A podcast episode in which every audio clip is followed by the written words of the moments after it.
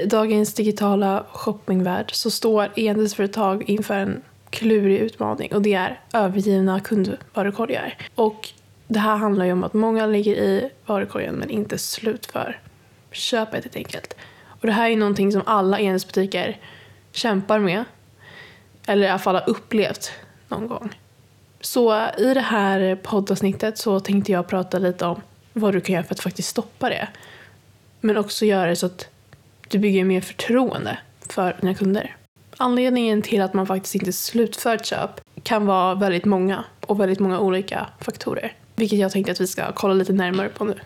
En anledning som kan vara att man inte väljer att slutföra sitt köp kan vara beroende på hur användarvänlig butiken är. För att om vi ska fördjupa oss i användarvänligheten som jag har nämnt lite tidigare i poddavsnitten så kan ju företag överväga att implementera ja, men personliga rekommendationer och basera det då på tidigare köp och beteenden. Till exempel kan en enhetsplattform genom att förstå alltså vad kunderna har för preferenser skapa en väldigt skräddarsydd upplevelse som gör det både enklare men, men också mer tillfredsställande för kunderna att faktiskt slutföra sitt köp.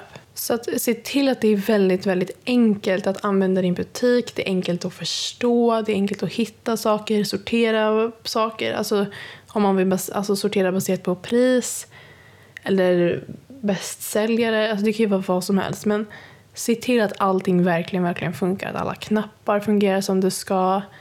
Men också att alla länkar, eller vad det nu kan vara. Så dubbelkolla din hemsida direkt efter det här poddavsnittet skulle jag säga. För att ofta så finns det någonting som man kan förbättra.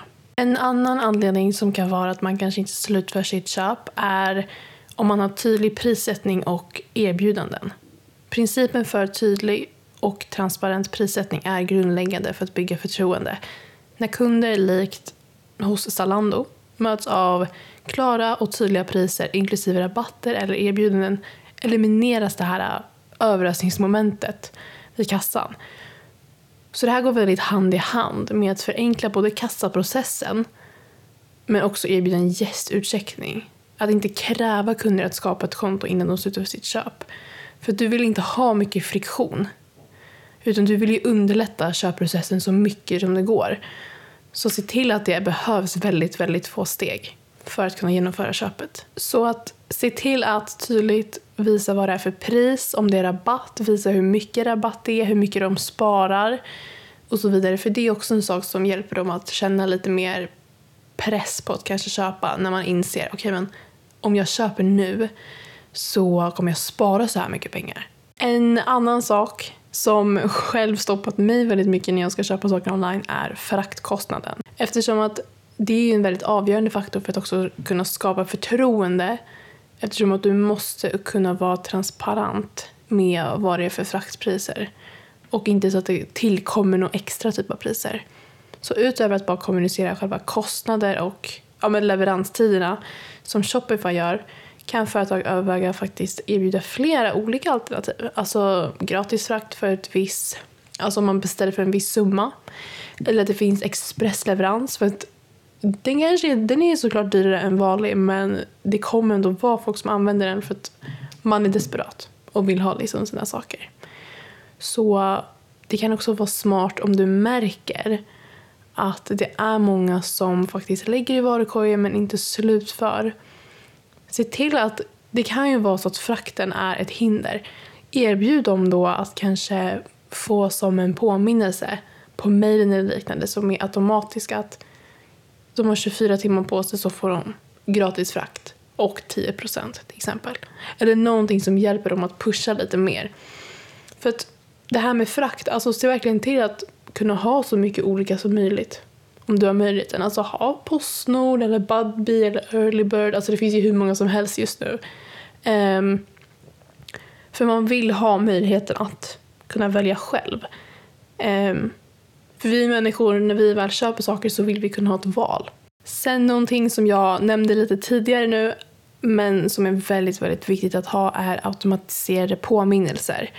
För automatiserade påminnelser via ja, men till exempel e-post är inte bara ett sätt att minska övergivna kundvarukorgar utan också en möjlighet att bygga kundrelationer på ett väldigt personligt sätt. När man kollar på till exempel Isos eller Boho blir det tydligt att ha en effektiv strategi innebär inte bara att påminna dem om deras övergivna kundvarukorgar men också att erbjuda relevanta och lockande erbjudanden eller vad det nu kan vara för att faktiskt få dem att vilja slutföra köpet. Det kan ju vara ja, men till exempel en personlig rabattkod, att man får gratis frakt inom ett visst antal timmar eller någonting som hjälper dem att pusha lite att faktiskt slutföra köpet. Sen kan det ju vara så att man kanske känner sig ja, men osäker då på om man vill köpa, om det kanske är någon typ av klädesplagg, hur ni storleken, man kanske inte vill beställa fler storlekar samtidigt. Då tipsar jag om att se till att ha livechatt. Även fast du kanske inte säljer kläder så är det en väldigt effektiv sak att ha. För livechatt är inte bara ett verktyg för att lösa problem i realtid utan också möjlighet att skapa en personlig och interaktiv köpupplevelse. Till exempel Nike och Adidas använder det här verktyget väldigt framgångsrikt för att ja, men vara tillgängliga för sina kunder. Sen så kan man ju även se till att ha AI-chattbottar vilket också är väldigt effektivt. Men många föredrar ändå att skriva med en verklig person i realtid för att det, ofta blir det fel när man använder en AI-chattbot. Ofta så kan det också vara frågor som själva chattbotten inte kan svara på och då vill man ju kunna ta kontakt med en person som faktiskt kan hjälpa en. För de här chattbottarna kan ju vara snabba på att svara vanliga frågor och guida kunder genom hela köpprocessen. Men det kan ju också vara så att du får lite mer avancerade frågor. Så då tipsar jag om att ändå ha en AI-chattbot men sen att man om man känner att man kanske inte får tillräckligt med hjälp så finns det möjlighet att prata med en person i realtid. Sen någonting som jag pratat otroligt mycket om på podden men som jag verkligen vill lyfta mer är att använda recensioner och sociala bevis för att bygga den här trovärdigheten. För integreringen av ja, men bevis, kundrecensioner och betyg är inte bara en indikator på kundnöjdheten utan också ett väldigt kraftfullt verktyg för att skapa förtroende. Till exempel Airbnb och Tripadvisor som du säkert hört talas om. De använder ju aktivt sociala medier för att dela med sig av positiva kundupplevelser. Det skulle kunna till exempel se ut som att, ja men vi säger att jag har köpt, jag har lagt tio stycken tröjor från din e-handelsbutik i varukorgen men jag, tve, alltså jag tvekar, jag slutför inte köpet. Då skulle du med, alltså med hjälp av recensioner och betyg kanske skicka ett mail och så nämner du tre recensioner och ger mig rabattkod. Det är ett jättesmart sätt för att ta med de här recensionerna som du får. Eller till exempel innan man slutför köpet i kassan så står det ja, med recensioner av produkterna. Till exempel att det är en bild på produkten och så står det Anna tycker det här. Och sen Lisa tycker det här. Herman tycker det här. Som kanske, så kanske det är lite så snurrande automatiskt att det bläddras ehm, så man kan se recensioner samtidigt som man precis innan man trycker på köp till exempel. Det är också ett väldigt effektivt sätt men främst då kanske ha det i mejlen. Det skulle kunna till exempel se ut som att ja, men vi säger att jag har köpt, jag har lagt tio stycken tröjor från din e-handelsbutik i varukorgen men jag, tve, alltså jag tvekar, jag slutför inte köpet. Då skulle du med, alltså med hjälp av recensioner och betyg kanske skicka ett mail och så nämner du tre recensioner och ger mig rabattkod. Det är ett jättesmart sätt för att ta med de här recensionerna som du får.